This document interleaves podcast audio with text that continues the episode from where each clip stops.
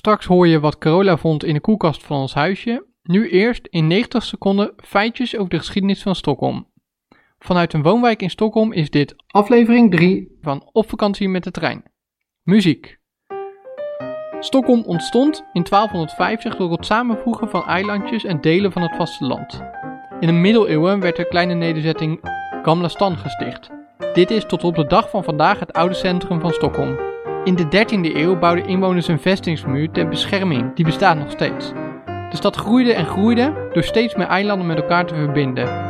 Stockholm staat dan ook bekend als het Venetië van het noorden vanwege de vele waterwegen en bruggen. De meest imposante gebouwen die er nu nog steeds zijn, werden in de 16e en 17e eeuw gebouwd, zoals het Koninklijk Paleis en het Ridderhuis. In de 19e eeuw werd een uitgebreid openbaar vervoersnetwerk aangelegd met trams en metrolijnen. In de 20e eeuw onderging Stockholm modernisering en stadsvernieuwing. Oude gebouwen werden gerestaureerd en nieuwe wijken werden gebouwd. Stockholm bleef tijdens de Tweede Wereldoorlog grotendeels gespaard omdat ze neutraal waren. Ze waren trouwens niet helemaal neutraal. Ze wilden vooral Duitsland niet tegen het zere schoppen, dus ze bleven grondstoffen leveren en mocht Duitsland gebruik maken van het treinnetwerk. Dit waren de feitjes. Deze feitjes zijn mede mogelijk gemaakt door artificial intelligence. Ik ben niet verantwoordelijk voor eventuele fouten. Nu de realiteit.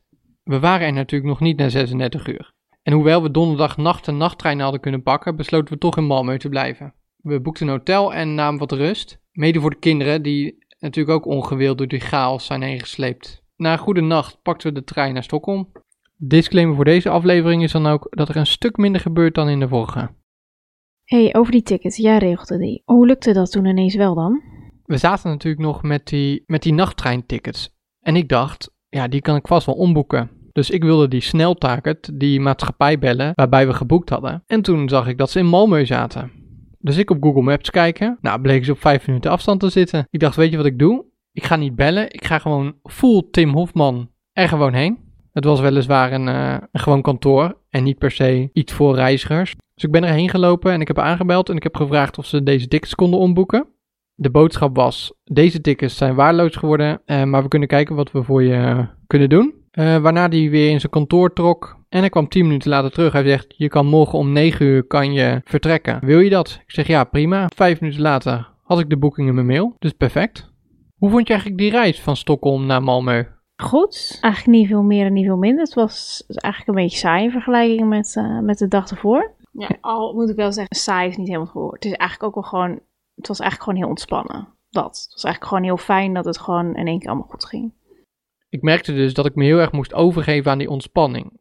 Ik was gewend om op die adrenaline van gisteren te leven, maar vandaag hoeft dat niet meer. We komen gewoon zorgeloos aan in Stockholm. Dus ik moest echt even oefenen met ontspannen, maar uiteindelijk lukte dat wel. Hoe vind je het huisje eigenlijk?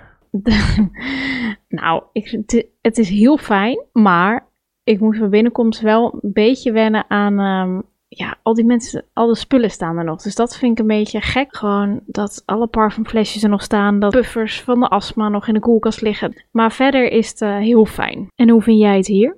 Lekker veel ruimte. Je kunt lekker naar buiten. Er is een trampoline, wat Fem echt geweldig vindt. Dus heel goed geregeld. En verwachten we niet zoveel ellende. Maar je weet nooit hoe het loopt.